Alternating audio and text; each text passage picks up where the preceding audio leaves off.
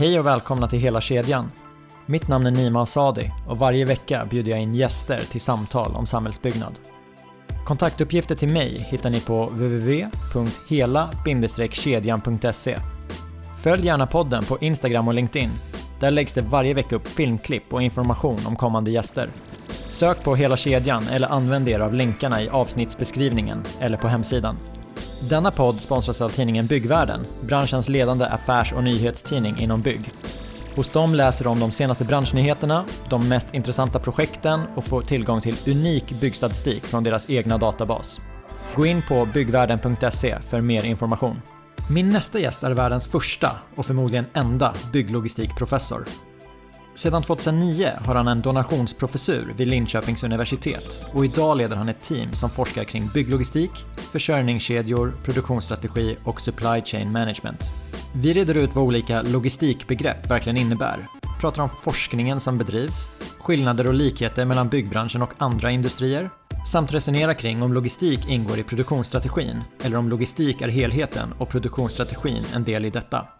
Ett väldigt innehållsrikt avsnitt med både detaljer och helhetstänk. Låt mig presentera Martin Rudberg.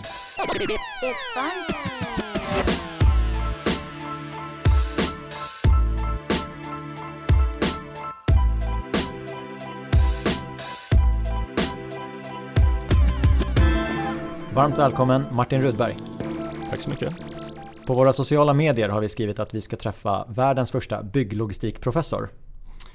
Ja, det, det, stämmer nog. Rent eh, titelmässigt så, så tror jag nog att eh, ja, förmodligen är den enda bygglogistikprofessorn än så länge i världen. Första och enda? Ja, tyvärr. Det skulle kanske behövas fler. Sen finns det självklart många som jobbar med, eh, med logistikfrågor i bygg på olika sätt inom akademin, men kanske inte just med den titeln då. Men det finns väl lite mer om dig förutom rollen tänker jag, så kan vi börja med en faktaruta om, om dig. Vem, hur presenterar du dig själv? Eh, ja, jag ska väl ändå börja med att säga då att jag är bygg, bygglogistikprofessor verksam vid Linköpings universitet. Så. Eh, sen brukar jag vara ganska eller tydlig med att framhålla att jag inte är byggutbildad i botten. Den kommer mer från tillverkande industri och, och logistik så, som, som en bas. Och hoppade in i den här branschen frivilligt? Eh, ja, det kan man väl säga, eller slumpmässigt från början. Eh, det var runt 2005 eh, som vi vid Linköpings universitet startade ett eh, forskningscenter som vi kallar Brains and Bricks som skulle inrikta sig lite på bygg. Då. Tanken var, det var vid vårt campus i, i Norrköping, att vi skulle nyttja de kompetenser som fanns där. Vi har mediateknik, vi har eh, organisk elektronik och vi hade logistik med inriktning på transport. Då. Så tanken var, kan, kan de här områdena göra något för, för bygg? Och så startades Brains and Bricks då, med Linköpings universitet, Peab och Katrineholms kommun. Och eftersom jag var inom vår logistikavdelning så blev jag indragen i det eh, och tyckte att det här var ju spännande. Det var ny mark. Eh, jag har jobbat i olika branscher innan men inte i byggbranschen. Då. Så det var väl lite starten. Eh, så jag var med i uppstarten av det. Sen fick jag en annan tjänst inom universitetet och lämnade faktiskt då den här byggtouchen under några år. Sen inrättades en, en professur i bygglogistik då vid Linköpings universitet som jag blev uppmanad att söka och sökte och fick. Eh, och det var 2009. Så det var väl då liksom min, min byggresa började på riktigt kan man säga. Jag hade nosat på det lite några år tidigare med Brains and Bricks men eh, från 2009 och framåt så har det varit ja, i princip enbart byggbranschen för mig och logistikfrågor i bygg. Ja, den här professuren, det är en donationsprofessur. Ja. Vad innebär det? Eh, det innebär så, det finns något som heter eh, Lars-Erik Lundbergs eh, stiftelse för forskning och utbildning som dels allmänt liksom hjälper ja, akademin med att man kan söka medel för forskningsprojekt där. Men de har också enligt stadgarna då att de ska donera pengar med jämna mellanrum till att inrätta professurer. Då. Och eftersom familjen Lundberg och Fredrik Lundberg numera har en koppling till, till Norrköping just så, så har donationsprofessuren legat i Norrköping. Då. Så innan mig fanns en i mediateknik eh, men sen delvis tack vare, vare att Brains and Bricks fanns och man insåg att det behövdes mer forskning om logistik i bygg. Då. Så i dialog mellan Fredrik Lundberg och universitetet så bestämde man att det skulle bli en, en bygglogistikprofessur. Då. Och då, eftersom jag hade hållit på lite med bygg innan och hade logistikbakgrund så, så lämpade det sig väl när jag sökte den och jag fick den. Då, så. så det var ett tioårs donation, så under tio år fick man medel för att bygga upp verksamhet eh, inom bygglogistik, då, både utbildning och forskning. Och du började 2009? 2009 ja. Nu har det ju gått tio år, vad ja. händer nu? Eh, ja.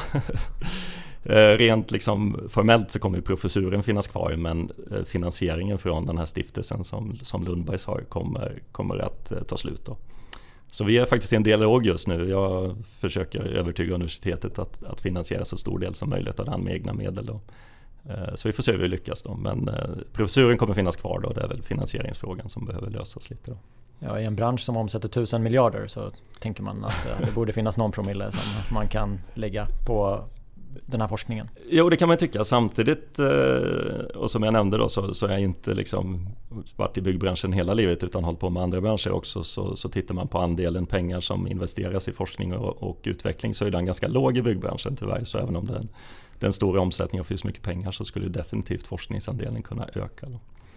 Eh, men det tror jag. Men så under de här, eh, sen 2009 och fram till idag har jag väl försökt bygga upp verksamhet inom bygglogistik. Vi har tagit fram bygglogistikkurser vid, vid, vid vårt campus i Norrköping och eh, ja, vi är idag en grupp som, som forskar och driver utveckling inom, inom bygglogistik inom många olika plan. Då, så det, det har väl flutit på ganska bra tycker jag under de här tio åren. Ja, det var det jag tänkte för idag är ni ju ett team.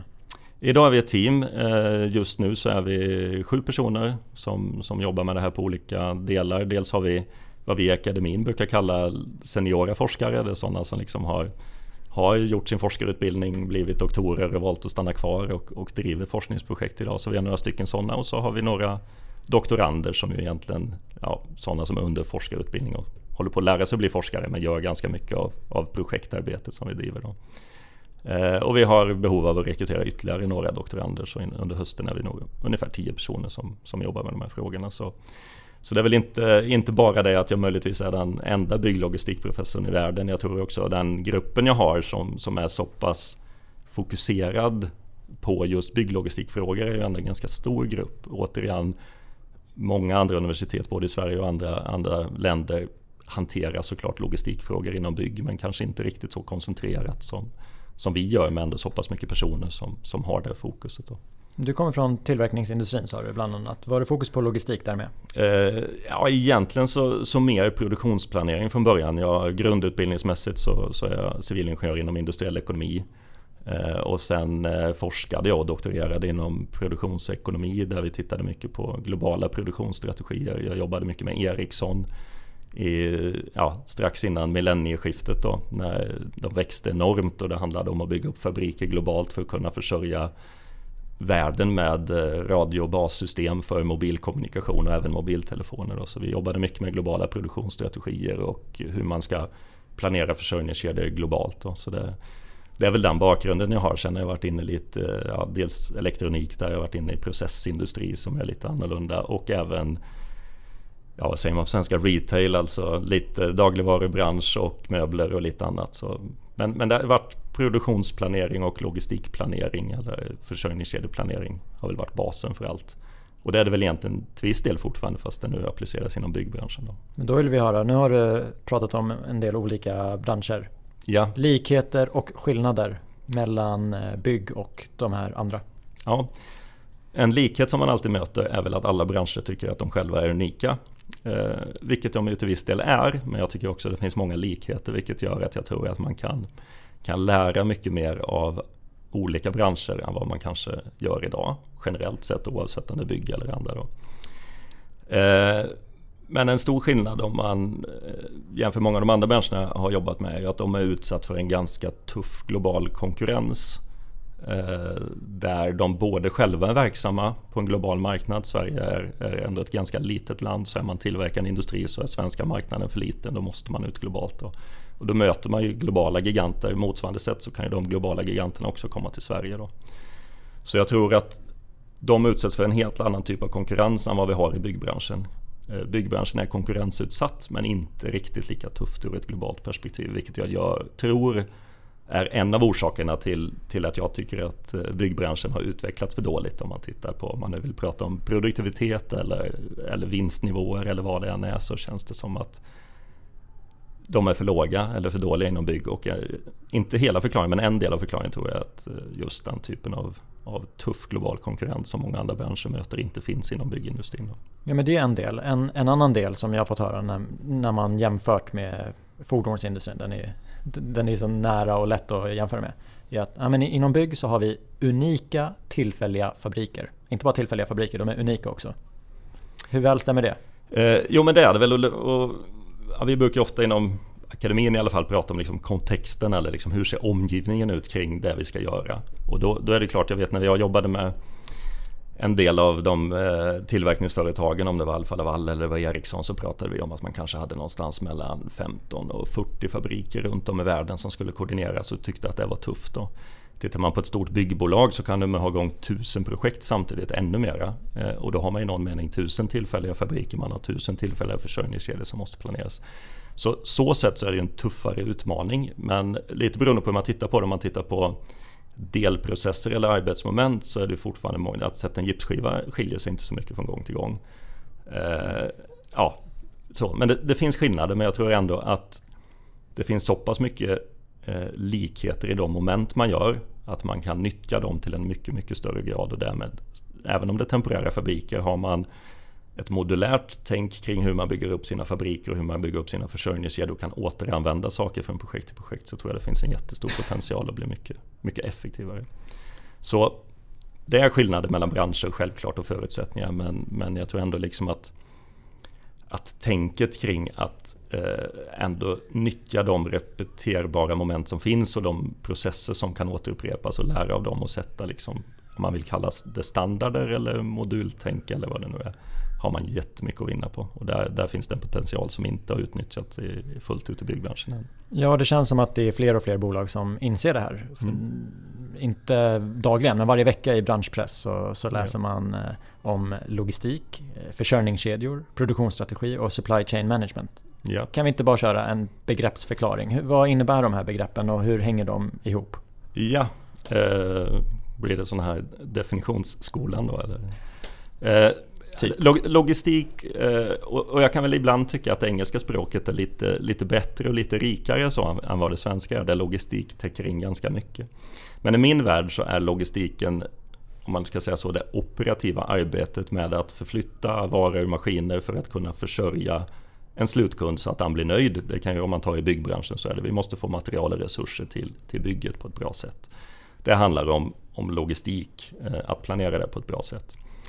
Eh, det gör man ju en försörjningskedja, då är det ett antal olika aktörer som behöver samverka för att få fram materialet eller få fram resurserna till byggarbetsplatsen om vi håller oss i bygg. Så, så logistiken utförs ju i försörjningskedjan. Då. Så tillverkning är en del, transport en annan, är det så man ska tänka? Precis. Mm. Eh, och ja, lagring och lite sånt så att man får fram grejerna. Eh, Supply chain management som jag ännu inte har hittat någon riktigt bra svensk term för. Men det, men det är ju någon form av övergripande design och planering av den här försörjningskedjan med tillverkare, transportörer, lager och lite sånt. Och inte så mycket det operativa utförandet för där tycker jag liksom logistiken verkar utan supply chain management handlar mer om hur designar vi och sätter vi de här försörjningskedjorna så att de kan vara effektiva och bra för, för byggandet. Då. Går man tillbaks till det här med liksom att hitta ett, ett modulärt tänk eller olika standarder så skulle liksom supply chain management kunna vara basen för hur tänker vi kring hur vi ska lösa logistiken för våra tusen projekt. Hitta en minsta gemensamma nämnare för hur vi på bästa sätt designar eh, försörjningskedjorna. Då. Och när man väl har gjort det så ska ju försörjningen utföras och då kommer logistiken in och det är mer operativt. Liksom, vad, hur ska vi märka våra grejer? Vad har vi för informationssystem? Vilka lastbilar ska vi ha? Och hur förflyttar vi materialet och i vilken tid? Då? så den, lite mer operativt på logistiken och supply chain management är lite mer övergripande strategiskt. Då. Mm. Och produktionsstrategi? Mm, eh, och den blir ju lite, ett litet dilemma då, beroende på vilket läge man är i. Jag, jag som har en produktionsbakgrund så när vi pratar produktionsstrategin eller om man använder det engelska begreppet som är operation strategy så blir ju logistiken en del av, av summan där man ser produktionen som, som det stora. Liksom. Pratar jag med mina kollegor som har en mer ren logistikbakgrund så ser de det snarare tvärtom, liksom, att logistiken är helheten och, och produktionen är en del av det. Då. Och det kan man också förstå som man tänker de här olika noderna i försörjningskedjan så är det en produktionsnod, en lagernod, en transportnod och sådär. Men jag tror oavsett vilket perspektiv man har så, så handlar det mycket om att tänka på vad vill marknaden ha? Eller vad vill kunderna ha? Att definiera det på ett tydligt sätt. Eh, eh, jag tror det där är väl möjligtvis en, en lite skillnad mellan byggbranschen och andra branscher. Att har man en konsumentmarknad så är det ganska uppenbart liksom att vissa vill ha, väldigt lågt pris, vissa vill flasha med en snygg dyr klocka och det är olika attribut som avgör vad som är viktigt för, för olika kundsegment och där är vi kanske lite sämre i bygg på att definiera dem. Men jag tror även där det finns liksom vissa som vill bara ha en billig enkel övernattningslägenhet någonstans. Vissa som vill ha ett stort hus och betala mycket för dem. Vissa som vill ha en dyr eh, paradvåning någonstans. Då. Så det finns liksom olika attribut som, som avgör om det är pris som är det viktigaste, om det är liksom kvalitet, features eller om det är, om man nu tänker sig en, en fastighetsförvaltare eller den typen av beställare, att man vill ha liksom ett hus klart snabbt. Det är tiden som är det viktiga, kostnaden kanske påverkar lite mindre. Då. Så produktionsstrategin börjar med att definiera vad är det egentligen marknaden och kunden vill ha. Utifrån det så behöver vi bryta ner de eh, önskemålen från kunden till någonting som liksom betyder för produktion. Okej, okay, de vill ha ett lågt pris, ja då måste vi ju tänka på kostnad. Vi måste vara kostnadseffektiva. Ja, de vill ha den levererat snabbt eller liksom, vi vill ha huset snabbt färdigt. Ja, då behöver vi ha andra saker, det kanske inte kostnaden som är det allra viktigaste utan vi måste ha ett snabbt flöde och lite sånt. Då. Så att kunna bryta ner dem till någonting som betyder genomförande för produktion, logistik och planering och allt sånt. Eh, är väl på något sätt essensen av produktionsstrategin. Lär känna marknaden, översätt marknadens krav i någonting som betyder för hur vi ska genomföra produktion, försörjning och så vidare så att kunden får det kunden vill ha. Du, du, nämnde en intressant sak för du sa om en eh, produktionsstrategin. Är den en del i logistiken eller är logistiken en del i produktionsstrategin? Mm. Och då tänkte jag att inom äh, min erfarenhet från bygg är att logistik är jätteförknippat med produktionsskedet. Ja. Hur, hur är det i andra branscher? Där skulle jag väl, om man nu återigen går tillbaka till de här begreppen med, med logistik och supply chain management, där logistik är med utförandet, så är den av naturliga skäl mer kopplad till produktionsskedet. Men vad man i många andra branscher har gjort är ju att man faktiskt har en supply chain strategi eller att man jobbar med supply chain management vilket innebär att man i ett tidigt skede redan när man liksom designar eller sätter produkten också planerar för genomförandet av logistiken. Och på så sätt så kommer det mycket tidigare. Det tycker jag ju saknas i, eh, i byggandet. Då. Eh, när jag har jobbat med andra branscher så, så pratar vi många gånger om vad de kallade eh, tredimensionell concurrent engineering. Concurrent engineering är att man gifter ihop liksom processutveckling och lite sånt med produktutvecklingen så att de funkar ihop. Men då, den tredje dimensionen blir ju att man också då lyfter in supply chain management eller logistik. Så redan när man utvecklar en produkt eller man utvecklar ett produktionssystem så tar man också hänsyn till försörjningen. Hur ska jag få dit materialet? Hur ska jag få dit resurserna om det nu är byggd? Eh, och har man gjort det så då funkar logistiken ganska bra. Det blir i någon mening bara exekverande av, av det man redan har planerat. Genomförandet blir ganska enkelt. Eh, I bygg är det väl ofta att man, man tänker på logistik mer när man börjar producera. Och då måste man ju lösa allting under produktion. Och då blir det ofta problem och eh, jag kan tycka att framförhållningen då blir lite dålig. Så. Jag hittade ett citat från dig där du säger att logistik börjar redan på ritbordet mm. och genom att göra det så kan vi sänka både kostnader och spara tid. Ja. Hur bra är vi på det? Um, och med vi menar jag ju branschsnittet. Ja, uh, ganska dåliga tycker jag. Eh, sen är klart att det finns alltid liksom sådana som är bättre och sådana som är lite sämre. Men, men generellt sett eh, ganska dåliga. Och, och, vad jag märker många gånger när vi har varit inne i projekt, antingen om det har varit forskningsprojekt eller om vi har jobbat lite tätare med företag och sånt, är att eh, vad ska man säga, många frihetsgrader blir ju låsta av hur projektet är riggat. Eh, ligger det i innerstad och det är bökigt att komma dit med bilar och man inte har tänkt på det innan. Man skulle kanske nyttjat en samlastningsterminal eller något för att minska antalet transporter in till bygget. Men har man inte gjort det så får man liksom verka inom de ramarna som finns för det projektet och det är klart, då kan man fortfarande göra logistiken bättre. Men det är inte säkert att den blir riktigt bra som den hade kunnat bli om man hade tagit hänsyn till förutsättningarna för arbetsplatsen, lokaliseringen, Eh, i föreskrivande led, att man tänker på vad är det för typ av leverantörer man indirekt låser in genom hur man skriver olika, olika avtal och upphandlingar och sånt. Och så, jag tror man behöver, och ju mer eh, vi bygger i våra städer eh, där det är trångt och bökigt och mycket handlar om att förtäta städer desto större anledning att tänka hur sjutton ska vi få dit material och maskiner och sånt för, för det påverkas ju så mycket av hur staden är med trafik, med buller, med skolor, med trängsel, med upplagsplatser och allt sånt. Så, så ja, ju tidigare desto bättre. Ja, jag, jag tänker när, när du då säger att nej, men vi kan spara kostnader och göra det snabbare. jag tror ju på något sätt att alla håller med. Mm. Men någonstans vill man ju backa upp det här med mätetal. Ja. Hur lätt eller svårt har det varit? Den insamlingen i din forskning? Eh, Det är ju någonting vi har brottats med nästan hela tiden. Vår övertygelse, magkänsla och det vi liksom hittar från intervjuer när vi är ute och pratar med folk är ju att när man väl liksom har gjort logistiken bra och det flyter på bra så finns det ja, mycket pengar att spara eller kostnader att reducera och tider att kapa. Vilket frigör resurser så vi kan bygga mer och tjäna mer pengar och lite sånt. Men vi har också märkt att det är svårt att bevisa och där är väl en av skillnaderna möjligtvis mellan olika branscher att, att byggbranschen Även om många av delprocesserna är lika och vi kan mäta på dem så, så projekten är ändå till viss del unika så det är svårt att ha en benchmark, en jämförelse. Eh, jag jobbade ett tag inom eh, plastindustrin där man tillverkar muggar och sånt. Nu kommer det där försvinna snart, med engångsartiklar försvinner. Men, men där liksom spottar man ut tusen enheter i timmen ur en maskin. Och gör man en justering på någonting så får man ganska snabb feedback. Då. Det är lite svårare med byggprojekt som löper över några år. Eh, så, så mätningen är svår. Där man ofta får när man kanske köper en, låt säga en färdig logistiklösning, något i en faktura och så ser man vad det kostar. Eh, mycket svårare att se vad, vad det kostar när man själv utför det för man gör dålig uppföljning på det inom byggbranschen. Då. Men det man kan mäta och vi har mätt mycket på är ju eh, dels liksom hur bra leveransprocessen funkar. Hur mycket leveranser kommer i tid. Hur många leveranser behöver vi för att eh, försörja ett visst projekt och sånt. Där kan vi mäta förändringar. Likaså finns det ju studier som har mätt eh, arbetsplatsproduktivitet eller yrkeseffektivitet. Då. Och där kan man också se förbättringar. Så jag tycker ändå att vi har ganska mycket, mycket data på delmoment och delprocesser som bevisar att god logistik betalar sig. Eh, men det som är svårt är att fånga helheten för ett helt projekt och kunna jämföra det med ett annat projekt. Alltså göra en totalkostnadsanalys för ett helt projekt med en logistiklösning och jämföra det med ett likvärdigt projekt utan en logistiklösning. Vi har några få exempel där vi har lyckats med det men, men alldeles för få för att på något sätt liksom vetenskapligt kunna bevisa exakt hur mycket billigare eller hur mycket bättre det är när man gör en logistiklösning. Då.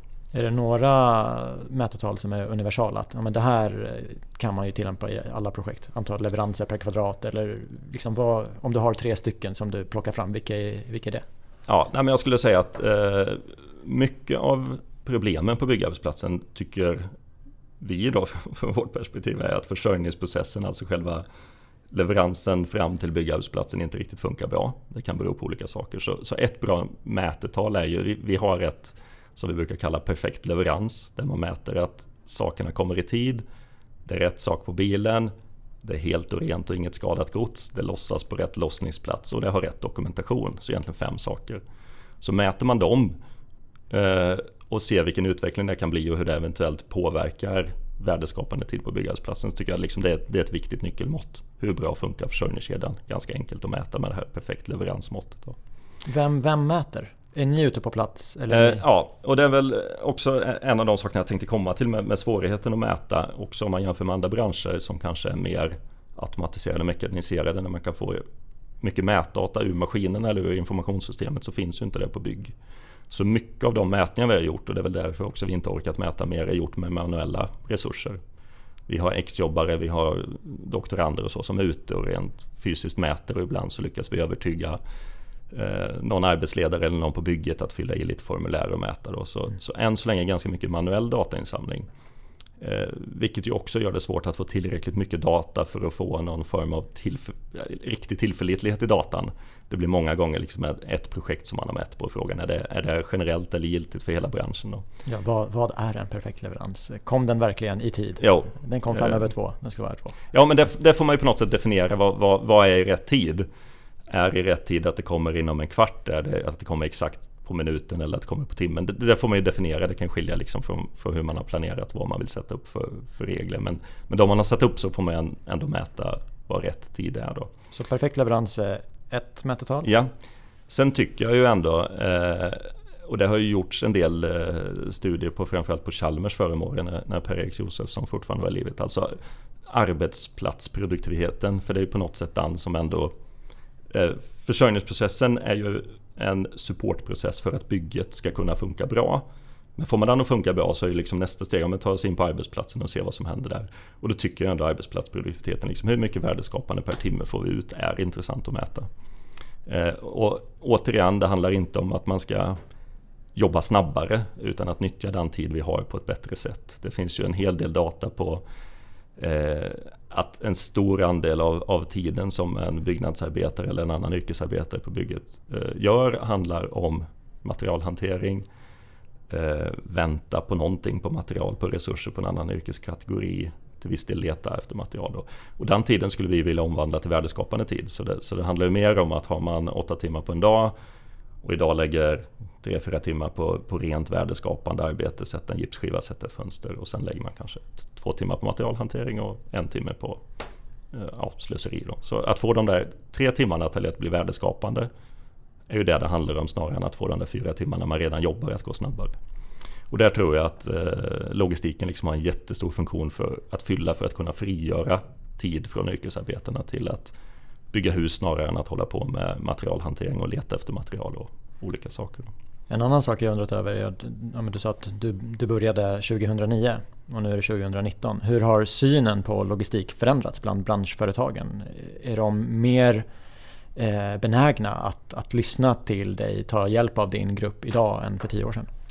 Eh, det tycker jag definitivt och eh, jag roar mig ibland med att skanna av lite helt ovetenskapligt men ändå skanna lite vad ska man säga, känslan för logistik i branschen genom att kolla igenom lite, lite årsbokslut och lite redovisningar vad man skriver på, på sin ledare eller motsvarande där. Och där tycker jag liksom att, att jag ser ett ökat intresse för logistik och också en ökad förståelse för vilken potential det finns till att reducera kostnader och få effektivare byggen med logistik. Då. Eh, det jag saknar är väl ja, ett mer aktivt genomförande av det den förståelsen till, till liksom att konkret verksamhet ute i projekten. Då. Eh, där önskar jag att man skulle kunna se mer. Eh, Varför är det så tror du? Att det inte, man pratar om det men att det inte genomförs? Um, ja, jag har funderat mycket på det. Jag önskar att jag hade haft ett bra svar. Då kanske man skulle sålt det dyrt till branschen och mm. tjänat mycket pengar. Men Ja, men jag, jag, jag, tror det är ett mångfacetterat svar. Dels tror jag faktiskt att eh, det finns en bristande kunskap i branschen. Eh, om man tittar på våra byggprogram, utbildningsprogram vi har idag, så är det väldigt få av dem som, som har en gedigen eh, logistikkurs eller utbildning i sina program. Det finns lite på många lärosäten men liksom inte, inte djupgående så. Jag tror att Eh, Eh, det är ändå liksom en stor del av byggandet att få dit materialet, att få dit resurserna, att koordinera saker. Så jag kan tycka att det skulle finnas mer, så jag tror liksom att det saknas, saknas kunskap. Eh, sen är väl också den projektorienteringen som ändå är i byggbranschen, om man nu jämför med andra branscher igen, så ett problem där många gånger så trycks kostnaden för utvecklingsprojekt ut på projekten snarare än att ta det centralt inom företaget. Då. Och eh, det finns många studier när man bör, från andra branscher när man börjar göra implementera logistiklösningar eller köpa upp en tredjepartslogistiker att det tar några år innan det är barnsjukdomar det tar ett tag att trimma in det. Och då måste man ha en uthållighet. Och man kanske inte löser allt över ett projekt utan i början kostar det pengar, det är en investering som kan betala sig längre fram. Men om det är projektorienterat och allt ska drivas per projekt så blir det svårt att ha den långsiktigheten. Då. Eh, sen tror jag också att det saknas eh, vad ska man säga, logistikmandat i företagen. Att det, det finns ingen stark förespråkare för, för logistikfrågorna eh, i byggföretagen. Så det önskar jag att det skulle kunna bli mer då. Vi försöker genom att utbilda och trycka ut folk med, med logistikkunnande. Eh, ja, det är väl några, det finns, finns säkert fler liksom faktorer som på, påverkar det här. Eh, men det är väl tre av dem som, som kanske är mest tydliga. Ett samspel som jag känner är viktigt är ju det mellan inköp och eh, logistik. Och yeah. Inköpschef har ju de flesta bolag och den funktionen sitter i ledningsgruppen. Yeah. Din erfarenhet, vem representerar logistik? Om det inte finns en logistikchef, vart, vart hamnar den frågan? Eh, ofta på inköpsavdelningen. Eh, och eh, det är väl också en sak, om man nu får jämföra med andra branscher, eh, om man får generalisera lite så är min, min uppfattning att i många andra branscher så är i någon mening logistikchefen eller supply chain managern den som, som är högsta chef och så kan det finnas en inköpsavdelning eller en inköpschef under den och då har man ett mycket tydligare helhetsperspektiv och fokus på totalkostnad. Medan i bygg, eh, både historiskt och för att man köper in mycket material och resurser så, så är inköpschefen chef. Och i bästa fall finns det en logistikchef eller en logistikavdelning. Det är inte alltid det finns det utan många gånger ligger logistikfrågorna under inköpsfunktionen. Då. Eh, så jag tycker definitivt liksom att, att logistik behöver lyftas upp. Jag kan många gånger tycka att utifrån ett inköpsperspektiv så blir det för mycket fokus på prisfrågor och för lite fokus på totalkostnad och på vad ska man säga, servicen i försörjningskedjeprocessen. Där det ju handlar om att ju bättre den är desto effektivare blir bygget och byggarbetsplatsen. Då. Och då måste det kanske få kosta lite att få grejerna på plats för att kunna få upp den effektiviteten och räkna hem kostnaden på bygget. Och det, det tycker jag går lite förlorat ibland när det blir för mycket fokus på själva inköpet och inköpspriset och, och för lite fokus på försörjningsprocessen och totalkostnaden. En sak jag tänkte på är att om, om det är upp till projekten att bestämma om de ska ha en tredjeparts logistikhantering eller inte. Eh, det spelar ju lite roll vad man har för ramavtal. Ja. För annars kanske det finns risk att man betalar för någonting dubbelt och, och så. Så om vi säger att det fanns någon som med tydligt mandat för logistikfrågor som ska samspela med inköpschefen. Vad, vad skulle det kunna få för effekter? Eh, jag tror det skulle kunna få, få stora effekter för fortfarande så är det ju så att en stor del av, av liksom värdeskapande bygg kommer från där vi köper in i termer av resurser och sånt. Så in, det är inte så att inköp är obetydligt, det är jätteviktigt. Men jag tror att en inköpschef som har sin, sin lik i en logistikchef som, som kan föra in ett lite mer totalkostnadstänk och det här. Den symbiosen skulle ju kännas jättebra. Eh, jag har några kollegor som har jobbat med mig innan men har, har jobbar i byggbranschen nu som, som har tittat lite på hur många inköpare finns det i ett stort byggbolag och hur många logistiker finns det? Och det är ju typ ett förhållande 100 till 1 eh, i de större bolagen. Då. Och då kan man tycka att ja, men, tänk om vi kunde få upp det förhållandet till 100 till 5 i alla fall. Att vi kunde ha fem logistiker per, per inköpare eller vem som har inköpsansvar. Då. Och det tror jag skulle vara en ganska bra investering. Eh, men, men det är en sak att ha liksom logistik, om man får säga så, på inköpsavdelningen då, eller, eller centralt i företagen för, för, för liksom att sätta upp bra ramavtal och liksom tänka logistik och inte bara pris. Men, men sen måste vi ha logistik i projekten också. Och där kan jag också att, tycka att det många gånger saknas. Det är väldigt få projekt som liksom har en logistiker. Logistiken kan vara kopplad till eh, en arbetsledare eller platschef eller något sånt. Men, men varför har man inte fler logistiker ute i projektet som, som tar ansvar för logistiken, ser till att leveransplanen är uppdaterad, synkar leveransplanen med produktionstidsplanen, synkar den med leverantörerna. Så det tror jag också, liksom att, att ha kanske både en logistikplanerare eller leveransplanerare om man vill kalla det ut på projekten och någon som liksom mer tittar på godsmottagning och hur vi tar emot material och planerar för att ta emot material tror jag också skulle vara viktigt. Sen har jag full förståelse för att inte det funkar för alla projekt. Det beror lite på hur stora de är och lite sånt. I lite större projekt kan man kanske ha dedikerade roller där det faktiskt är personer som gör det här. I något mindre projekt kan man ändå kanske allokera en viss tid av att det här ska du faktiskt lägga på logistikplanering, leveransplanering och lite sånt. Så det, det är väl tvådelat liksom. Det behövs både lite centrala funktioner med logistik men det behövs också ute på projekten. Men det finns ju ganska många byggföretag i Sverige. Har vi inte något bolag som har gjort värsta omvandlingen? Att nu har vi en logistikchef, nu ska vi jobba med logistik så här och, och visa ett resultat? Nu ska jag inte på något sätt påstå att vi jobbar med alla eh, byggföretag. Eh, vi jobbar ju med de eh, ja, riksaktörerna, de tre fyra stora beroende på hur man räknar och sen Det är något bolag som är lite förbannade nu när du sa de tre, fyra stora. Ja, fem. ja. Och sen är det självklart lite, lite regionala bolag. Sen finns det ju massa regioner utanför den region jag är verksam i då, så jag har inte koll på alla. Men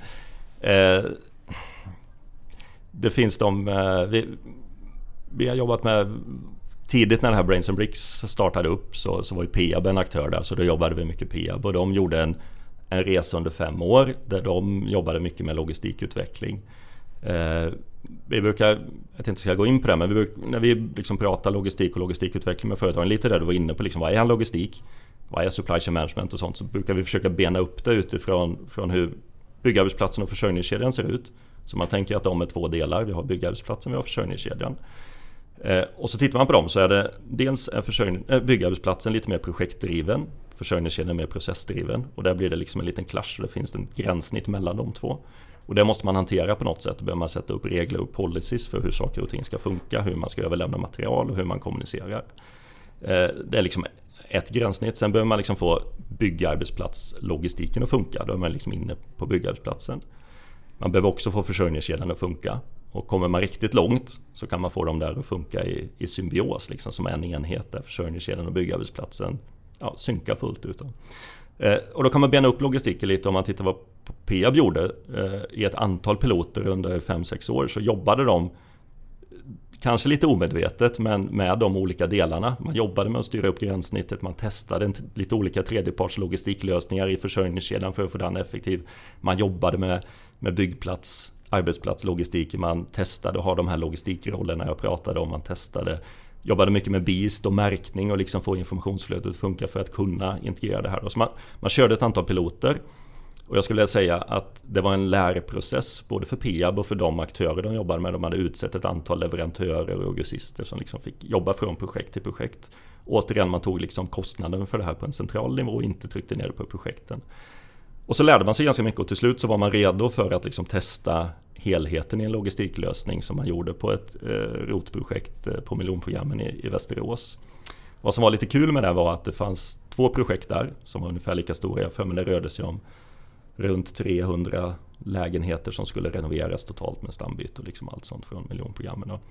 Och det ena projektet så sa projektledningen och platschefen ja vi vill testa det här logistikkonceptet och det andra sa de nej. Och de var något sånär jämförbara då.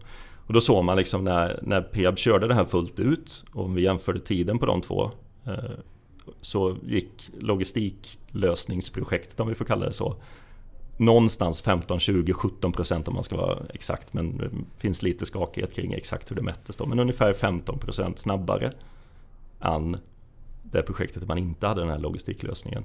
Och kostnadsmässigt skulle jag säga att det rörde sig kanske om ungefär samma i procent. Att det, det gick bättre då. Och då hade man lagt mycket tid på att sy ihop lösningen. Man hade sett till att sekvenslägga allt material, man lägenhetsförpackade, man eh, nyttjade Beast i det här fallet. Det var ju, hade inte kommit så långt i sin utveckling men ändå tanken kring det och streckkoder och lite sånt. Och så kunde man lyfta materialet direkt från lastbilen när det kom sekvenslagt direkt upp till inbyggnadsplats via balkongerna, ingen mellanlagring. Eh, direkt in, eh, avemballera och börja med att montera med materialet direkt egentligen. Och sen då hade man liksom en, två logistikpersoner på plats som hade hand om leveransplan och lossning och sånt. Och de hjälpte till på förmiddagarna med att få in material i lägenheter. Och på eftermiddagen, eftersom det var ett rotprojekt, så tog man hand om sånt som skulle ut. Och då hade man liksom beläggning på de två. Och eh, man hade en bra planering, man hade taktat allt, man hade i princip en taktometer som leverans, leveransen bara kom eh, i tid, lossade snabbt upp. Och det gick ju fantastiskt bra. Det var ett ganska långt arbete eh, innan det, under fem års tid. Då. Så det är ett fantastiskt lysande exempel på, på vad god logistik kan göra om man tänker liksom att kapa ledtider för totalt för projekten med upp mot 20% och kostnader ungefär samma. Så, Men då vill det, man ju ha någon som säger så här, det här ska vi göra i alla projekt. Ja, och det är väl också ett eh, problem, vi var inne på det innan, varför händer inte mer i byggbranschen? Eh, som jag stångas med och jag vet att många av, av kollegorna i byggbranschen eh, stångas med också. Liksom att vi har ändå ganska många bra piloter och testprojekt men det blir aldrig business as usual eller en standard i byggföretagen. Även de här PA-projekten som kördes under en tid har liksom inte tycker jag nu kanske PA blir sura på, men, men förvaltats fullt ut. Det fanns ju en enorm potential. Varför kör man inte in det här i alla projekt då? Eh, men, men det görs inte och jag kan lyfta upp andra goda exempel. Vi jobbat en del genom åren med, med Arcona som också gjorde något, något liknande där de liksom hade en vad ska man säga, en utbildningsperiod. Man testade olika saker, man tog in olika tredjeparts eh, logistiker. Man testade på olika projekt, man tog fram en egen logistiklösning via det som kallas CS Logistics och utvecklade under tiden och där tycker jag också liksom det finns en, en enorm potential och jag tror att de företag som ändå tar sig den tiden. Det är inte så att logistik löser sig på ett projekt utan man måste liksom ha en ambition och en långsiktighet i hur man jobbar med det. Och lite, jag var inne på det här med byggarbetsplats, gränssnitt, försörjningskedja. De företag vi jobbat med som har försökt liksom göra allt på en gång har misslyckats. Man orkar inte det och kompetensen är inte tillräckligt hög. Men de som har tagit det stegvis, antingen börjat med byggplatslogistik eller börjat med att sätta upp gränssnittet kanske med hjälp av en tredjepartslogistiker. Eller börjat jobba med försörjningskedjan antingen med en transportör eller själva eller med en tredjepartslogistiker eller något. Och lärt sig och så tar man steg för steg och liksom gapar in mer och mer av den här logistiksfären. Så, så lär man sig mycket och kan utvecklas då. De, jag, jag, tror det är vägen fram men sen, sen tycker jag än så länge att man har inte orkat liksom förvalta den kunskap och lärdom som många byggföretag som har jobbat med det här har dratt för att trycka ut det fullt ut i, i, i byggföretagen. Då. Sen ska man väl också säga att vi, vi jobbar ändå mest med, får man väl säga, stora byggföretag. Då. Eh, jag har inte så mycket erfarenhet av, av mindre byggare. Där, där har man väl utmaning just att man är mindre och kanske inte kan investera på det här sättet. Men å andra sidan så är det kanske lättare att förändra en företagskultur och anamma nya saker. Då. Men där har vi inte så mycket erfarenhet utan ofta är det de stora. Och, och där är det väl problem att även om de är stora så är det inte om man jämför med när jag har jobbat med andra branscher, om man tar stora verkstadsföretag och man bestämmer sig för någonting så är det så för hela företaget. Det tycker jag inte riktigt blir samma effekt i bygg. För det är fortfarande ganska distribuerat och regionalt där man har möjligtvis olika lösningar och olika makt som är spritt ute på de olika regionerna. Ja. Så bara för att man i en region gör något bra, det har jag exempel från hemma i Östgötaregionen där det finns ett av de stora byggbolagen som har jobbat jättemycket med logistik och gör jättebra logistiklösningar kopplat till byggplatslogistiken. Men det nyttjas inte alls av de andra regionerna i Sverige i samma, samma bolag, vilket jag frågat många gånger och är förvånad. Varför? Ni har ju massa kompetens internt, varför tar ni inte nytta av den då? Men eh, ja, jag har inte fått något svar på det, jag vet inte än. Så, det, så jag tycker liksom logistikmässigt, det finns ändå, vi vet ganska mycket. Vi har gjort också massa studier på mått och mätning och tar man någon summa av dem så tycker jag generellt sett att ur ett logistikperspektiv så skulle man kunna kapa kostnader, då pratar jag byggkostnader, bortse liksom från byggherrekostnader och mark och sånt där. Men liksom själva byggkostnaden, men någonstans 25%. Bara man tittar liksom på hur mycket slöseri finns det ur ett logistikperspektiv. Så känns det som en lätthet att man skulle kunna kapa bort 25% av kostnaderna och 25% av tiden.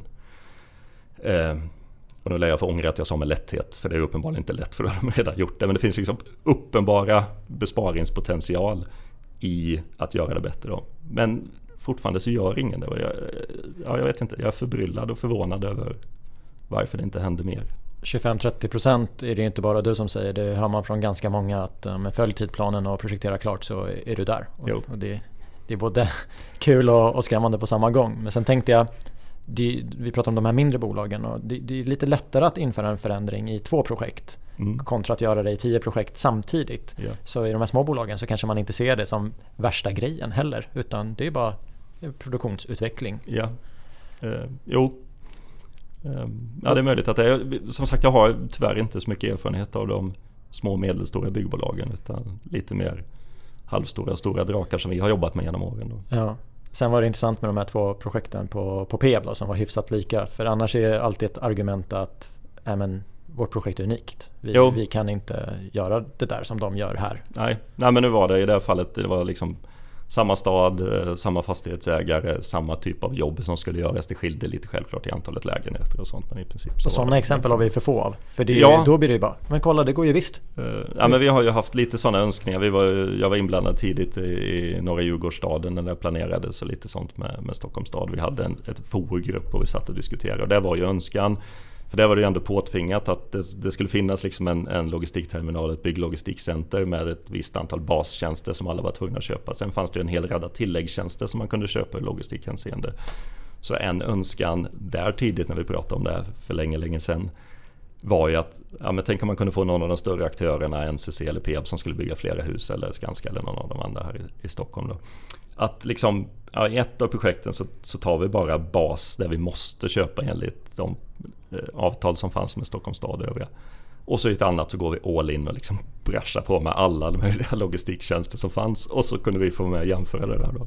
Och det var väl några av entreprenörerna som tidigt tyckte ja, men det, det, borde vi kunna vara med på, det kan vi göra. Men sen när det väl kom till kritan så, så var det ju ingen som gjorde det. Mm. Och det kan jag väl till viss del förstå, det är ju liksom en ganska hög risk att kanske satsa allt. Då. Men det, det hade varit spännande att se, för där fanns ju liksom ändå en Förutsättningarna hade ju varit ganska lika eftersom det var inom samma byggområde. Det var samma logistik liksom, lösning som alla skulle in i. Det var samma grindsystem och sånt. Så det, det hade varit riktigt spännande att kunna göra den typen av jämförelser. Eh, Prolog gjorde en liten sån, eh, vad ska man säga, enkätbaserad undersökning för Viktor Hansson som byggde både innan, innan logistiklösningen var på plats och efter då. Men det, det var inte liksom en, en fulländig analys av hela logistikpaketet utan mer att man fick göra lite sån här touch-enkät, de som jobbade där, om de tyckte det var bättre eller sämre och lite sånt. Och så. Ja men logistiklösningen blir bra när den är anpassad till ditt projekt eller när du har anpassat ditt projekt efter logistiklösningen. Ja. Att det bara poppar upp en logistiklösning? Nej. Vad blir potentialen då? In, kanske inte liksom fullt? Nej, och där ser man väl också en del, del av ändå bolagen, om man nu har nämnt NCC och Skanska, men att, eller NCC och Peab innan, om man tar, tar Skanska som, som liksom har ett paket ihop med, med DHL med lite terminaler och logistiklösningar som de kan serva sina egna projekt med. Så, och även de andra byggföretagen har lite sånt. Om man blir som i Stockholms stad eller andra sådana här mycket av stadsutvecklingsprojekten där, där staden går in och säger att nu vill vi ha en logistiklösning för vi behöver samordna det på grund av trafikflödena in i stan, vilket ju liksom är liksom helt logiskt från stadens perspektiv. Så kan ju det gå lite stick i stäv med de logistiklösningar som byggföretagen möjligtvis har utvecklat. Då. Och där är ju också ett, ett, problem om man blir intvingad i någonting som inte, inte riktigt passar den affärsmodell eller, eller verksamhetsmodell som man har. Så det, men, men det tror jag byggföretagen måste, måste förhålla sig till för, för det blir, märker vi också. Vi har en del av våra projekt och min, mest mina kollegor som jobbar med mer stadsutvecklingsprojekt liksom utifrån kommunen och stadens perspektiv. Så, så blir det vanligare också med att när vi bygger inne i städerna att, att staden vill styra upp byggflödena för att minimera störningar, för att inte ha för mycket CO2-utsläpp när det blir köbildning och sånt. Och eh, ja, byggföretagen kan, kan möjligtvis gnälla och klaga lite på det men jag tror de behöver förhålla sig till att man kanske måste anpassa sig till den logistiklösning staden vill ha för att få stadens flöde att funka bra som kanske inte alltid synkar fullt ut med, med byggföretagens sätt att se på saker och ting. Med det. Och det tror jag också, ju högre logistikkompetens man har och ju mer man är van att jobba med det desto lättare är det att anpassa sig till den typen av system också. Ja och det är ju förutsättningarna så vill du att det ska gå bra så får du anpassa dig. Jo, lite så. Eh, och det är väl också vi har sett, eh, ja, nu sitter vi inne, inne i Stockholm här då, men om man tar Urban Escape eh, en bit bort här så, så var det också, eh, pratade med en del av, av, projektledningen där att just kan man räkna hem investeringen i logistik så sa de att ja, men i det här fallet så spelade det ingen roll för hade vi inte styrt upp och haft en logistiklösning så hade vi inte kunnat bygga det här projektet. För man byggde om, nu är jag inte från Stockholm, men vad heter den, Klara vägen mm. höll, på, höll man på att göra om och det tajt och trångt eh, kring gallerian. Liksom. Så hade man inte haft en, nu har man en terminal en bit söder om och, och pulsar in material utifrån en tidtabell. Och man, eh, arbetsplatsorganisationen är koordinerad och man delar på lite krantid och sånt. Hade man inte liksom haft den logistikuppsättningen så hade det inte gått att bygga.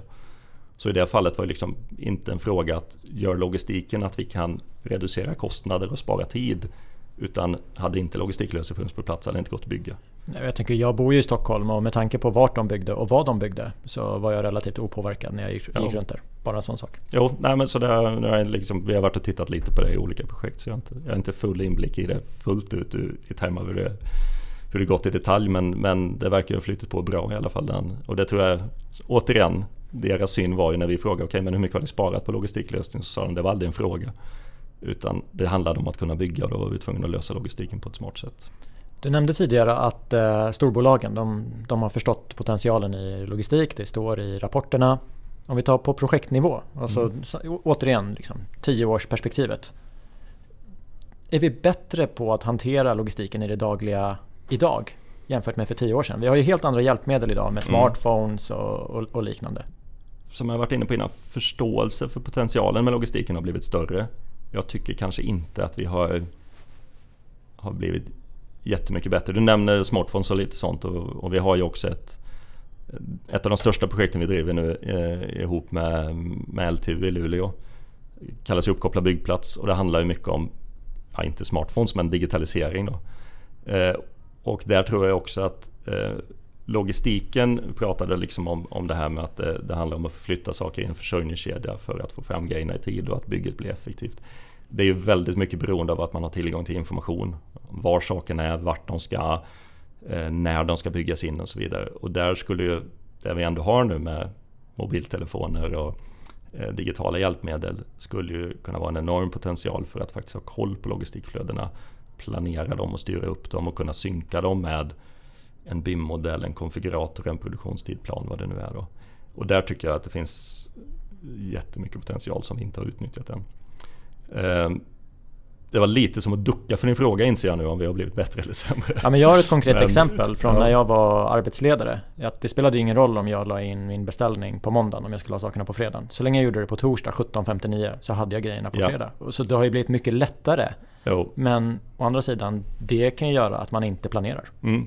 Jo, men så. Eh, I någon mening om man, man blir bättre på effektiv, äh, effektivare på logistiken, man kan ta order senare och ändå leverera dem. Eh, så kan ju det också skapa ett beteende som gör att man inte, inte planerar i förväg utan vet att jag kan få grejerna ändå. Då. Eh, så den aspekten skulle faktiskt, om man tänker utifrån grossist, eh, byggvaruhandel perspektiv, att de faktiskt har blivit ganska duktiga på, på att ta in order, leverera snabbt, få ut grejerna och sånt. Så kan ju det vara kontraproduktivt för projekten, att man inte planerar i förväg. För, nämnde inte så mycket mer, men liksom, logistik handlar ju mycket om långsiktighet, planering och framförhållning också. Eh, och jag tror att det är bra för projektet generellt. Många av dem, om vi nu pratar det här gränssnittet igen mellan byggarbetsplatsen och försörjningskedjan. Så mycket av att få det gränssnittet att funka handlar om att sätta policies och regler och en del av dem kan vara att man ska ha två dagars framförhållning för att kunna beställa material. Då. Eh, det finns ju andra aspekter än att bara få grejerna dit. Det är ju kostnadsaspekten. Eh, hur mycket kostar det att ta en sån? Ibland kanske den kostar för lite den här expressleveransen. Men det är också ett miljöhänseende om man kör många, många bilar fram och tillbaka med ganska lite på varje bil så belastar vi miljön ganska mycket. Då. Det är väl hållbarhetsaspekten är en sak som är viktigare och jag tror kommer bli ännu viktigare framöver. Då.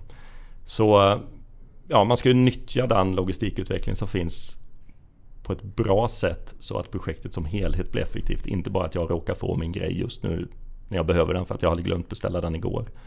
Ehm, så, så ja, de som jobbar med, i försörjningskedjan, de aktörerna som är där, grossister, transportörer, har kanske blivit, eller har nog blivit effektivare och bättre på att jobba med bygg. Men byggbranschen har möjligtvis, och nu gissar jag lite, utnyttjat det på ett sätt som gör att man blir mindre proaktiv och mer men jag vet inte. Ehm. Vi får ringa Sweden Green Building Council och be ja, dem lägga in eh, antal transporter i certifieringarna. Ja, eh, men det kan jag också tycka faktiskt, eh, det här med lite så här olika miljöcertifieringar för byggnader. Och det vet jag att jag pratat en del av med fastighetsägarna om att till viss del kan de få, få miljöcertifikat för byggnader trots att den har producerats på ett ganska miljöovänligt sätt. För det finns liksom väldigt få av dem, i alla fall vad jag har förstått, som, som mäter miljöbelastningen under exempelvis transport under själva byggnationen. Utan ofta handlar det mer om hur produkten, huset, är utformad och funkar ur energihänseende och lite sånt. Och så. Eh, nej men det tror jag definitivt. Eh, och det är ju ett intresse för, om man återigen går till förtätning av städer, för städerna att man inte vill ha vi har ju begränsningar på hur vi får köra in i, in i city på, i många ställen. Och lite sånt. Och det är klart att byggtransporterna utgör ju en stor del av, av stadens transporter. Det eh, finns lite olika studier på det där men en del av dem säger att det är upp mot 40% av, av de totala transportrörelserna i en stad som, som är kopplat till, till bygg och byggprojekt. Då. Um, så det är ju liksom ur rent sånt samhällsekonomiskt perspektiv. Ja, samhällsansvar, verkligen. Du, du nämnde tidigare att vi är i Stockholm. Ja. Du har varit här två dagar, två heldagar med fokus på uppkopplad eh, byggplats. Ja, det stämmer bra. Så jag tänkte vi börjar närma oss slutet. Mm, men vi, låt oss prata om vad det är för något projekt och vad ni gör och hur långt har ni kommit och vad har ni mm. kvar? Så fyra, fyra avslutande frågor. Ska försöka hantera dem på, på ett bräde. Eh, uppkopplad byggplats tycker jag generellt dels är det just nu vårt, vårt största projekt. Det är ett projekt som löper över tre och ett halvt år. Det började december 2017, kommer hålla på till augusti 2021. I alla fall, jag hoppas på att få förlängning. Eh, budgeten är ungefär 51 miljoner kronor för det. Eh, Vinnova som, som är huvudfinansiär bidrar med ungefär hälften. Sen är liksom deltagande företag bidrar med resten i termer av egen tid och kanske lite teknik och lite sånt. Då. Eh, ska också säga att Vinnova finansierade men ingår i, i någonting som kallas Smart Built Environment som är ett av regeringens eh, strategiska innovationsprogram där de liksom försöker ja, pytsa ut pengar till sånt som de tycker är viktigt och Smart Built Environment är för samhällsbyggnadssektorn. Eh, men uppkopplad byggplats, eh, vi har ju sett att det händer, du nämnde smartphones och lite sånt innan. Digitalisering är ju något som påverkar oss alla och det händer. Vi jobbar mer och mer med mobiltelefon idag. Då. Eh, men det händer ju också inom, inte bara konsumentsidan utan självklart och inom den industriella sidan också. Eh, och eh, ja, under egentligen eh, julen 2016 så var en kollega till mig, eh, Lars Sten som är professor i Luleå och hans kollega Thomas Olofsson som också är professor där. Eh, satt och spånade lite. Jag hade fått nys om en, en, rapport från, från Vinnova där de gick igenom digitaliseringen i svensk industri. Gick igenom alla olika industrigrenar. Byggbranschen var inte ens omnämnd.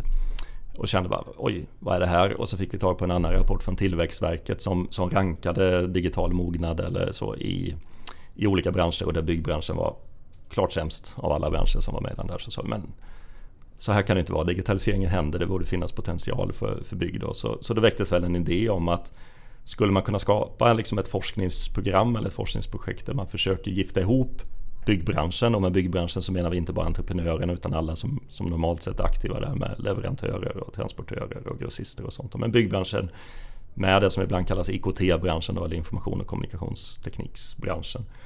Kunna gifta ihop dem och liksom skapa någon form av symbios för att testa olika digitala tekniker i riktiga byggprojekt. Då. Så det är väl grunden för uppkopplad byggplats. Det är, det är ett så kallat testbäddsprojekt som bygger på att man ska ut och testa antingen befintlig teknik eller ny teknik. Men det behöver liksom inte vara något nytt utan det kan vara befintlig teknik men som kanske inte används i den här miljön innan. Då. Eh, så tanken var att kunna nyttja riktiga byggprojekt som någon form av labb eller testbäddar för att testa olika digitala tekniker. Då. Eh, så då bjöd vi in till ett antal seminarier eller matchmaking-seminarier eh, där vi bjöd in både bygg, byggbranschföretag i bred bemärkelse och teknik IKT-företag och försökte få dem att liksom mötas. Liksom. Vad, vad är byggbranschens behov och problem och vad finns det för möjliga tekniska lösningar? Och så lyckades vi få ihop eh, egentligen fyra olika testbäddsprojekt där byggföretag ställde upp och var värd för var och ett av dem. Då. Så NCC är värd för ett testbäddsprojekt som är lite mer kopplat till logistik och försörjningskedjor och den typen av frågor. Eh, Skanska är värd för ett testbäddsprojekt eh, där man är lite mer eh, kring själva uppkopplingen ute på byggarbetsplatsen och att skapa en integrerad planering där man gifter ihop många olika saker för att få effektiv verksamhet. Eh, Cementa ihop med Peab är värd för ett testbäddsprojekt som handlar lite mer om sensorer kopplat till betong och eh, stombyggnadsprocess men också lite robotisering och automatisering av byggmoment. Och det fjärde testbäddsprojektet har faktiskt Lindbäcks bygg och Boklok gått ihop och är värdar för. Och där testar man lite mer tankar kring det modellbaserade bygget eller byggandet där man nyttjar den information som finns i modellen. Nu är båda industriella byggare så de, de har ju ganska mycket information i sin BIM-modell redan som nyttjas i fabriken men den nyttjas inte fullt ut på byggarbetsplatsen. Så någon vision är att vart man än är i projektet så ska man ha max 10 sekunder till den information man behöver och då måste det finnas liksom bra stöd för det. Då. Så det är väl de fyra testbäddsprojekten där de här byggföretagen ställer upp med riktiga byggprojekt och testar tekniker. Då. Sen har vi ett femte arbetspaket eller en femte eh, testbäddsprojekt som, som handlar lite mer om den digitala infrastrukturen. Hur kan vi liksom bygga upp en infrastruktur som behövs för att möta framtidens behov på att kunna ha streama ut monteringsanvisningar i en HoloLens eller vad det nu kan vara. Liksom, vad är det för krav egentligen som ställs på uppkoppling och kapacitet ute på byggarbetsplatserna? Ett femte arbetspaket. Då. Eh, och de här drivs av de entreprenörerna, de sex som är, är verksamma här och sen har teknikföretagen liksom kommit in och fått egentligen presentera möjliga lösningar på olika problem och så har man valt ut några och sagt att vi, vi, okej okay, den här testar vi då. Så vi kommer inte lösa all digitalisering för byggbranschen men tanken med det här är att just få in teknikföretagen till bygg på ett bra sätt och lyfta fram några exempel på vilken potential det finns med digitala verktyg och digitala tekniker för att kunna utveckla byggbranschen. Och så förhoppningen är väl att den här digitaliseringen, de digitala teknikerna ska kunna bli en katalysator för att driva på utvecklingen av byggbranschen. Ja, men alla låter spännande och det är väl saker man har funderat på på sin egen kammare. Det som är bra tycker jag att, att det finns ett sammanhang i, i det. Det är ju att man kan ta fram en branschstandard. Ja. Eh, och det är väl också, eh, och vi hade som sagt en, en eh, projektkonferens igår där vi nu efter ett och ett halvt år försökte presentera lite hur långt vi har kommit. Jag ska vara fullt ärlig och säga med att det var en ganska lång uppstartsträcka. Eh, både med liksom att få bygg och teknikföretagen, eller ja, återigen när jag säger bygg så tänker jag byggbranschen i stort då. Och teknikföretagen att mötas, men också att hur ska vi rigga det här projektet? Det är ganska ovanligt från ett forskningsprojekt, eh, för det är ändå ganska tillämpat och drivs mycket av företagen. Vi forskare sitter lite mer i, i baksätet och är här för att stötta och hjälpa, men också för att utvärdera vad som händer, kunna se, liksom mäta, ger det här effekter på byggproduktivitet, ger det här effekter på säkerhet, ger det här effekter på miljön? Och då måste vi planera och kunna hitta mätetal för det. Då. Men, men det har varit lite svårt att hitta formerna för det. Men nu börjar väldigt mycket hända. Vi har jättemånga tester på gång. Några tester har körts men, men det ligger jättemånga pipeline som kommer rulla ut nu strax före sommaren eller, eller efter sommaren på att testa olika saker. Och återigen, vi kommer inte lösa allt men det kommer visa liksom vilken potential digitaliseringen har. Och också vilka krav som kommer ställas på uppkoppling på operatörerna för att liksom funka med de nyttjandemöjligheter vi har med att kunna koppla ihop information, koppla ihop olika planeringsmodeller och lite sånt. Sen är det också spännande att vi har med ja, många stora byggföretag. Eh, Peab, eh, NCC och Skanska i ett och samma projekt där de också har insett lite som du sa att ska vi få operatörerna att, eh, att funka bra i, en, i ett byggprojekt så kanske vi måste göra gemensam sak mot dem. Det är inte en konkurrensfaktor att ha bra uppkoppling på en byggarbetsplats till exempel. Det är något man kan jobba gemensamt med, sen får man konkurrera på andra saker.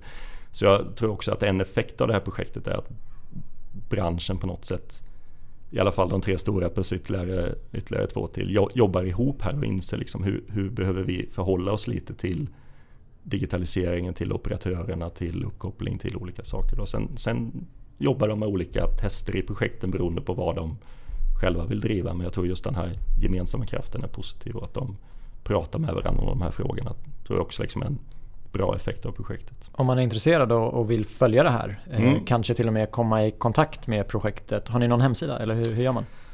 Uh, och där träffar du då ett av mina dåliga samveten. Uh, det står på min att göra-lista att, att, sätta upp en hemsida för det här. Vi har varit lite dåliga på, på den typen av informationsspridning. Utan än så länge så har det varit, vi har försökt ha, nu hade vi en sån här projektkonferens för att liksom ha en avrapportering. Då. Det kommer komma upp en hemsida men det, det hjälper ju inte mycket just nu. Så, så än så länge, jag, jag är projektledare för det projektet. Man får jättegärna höra av sig till mig.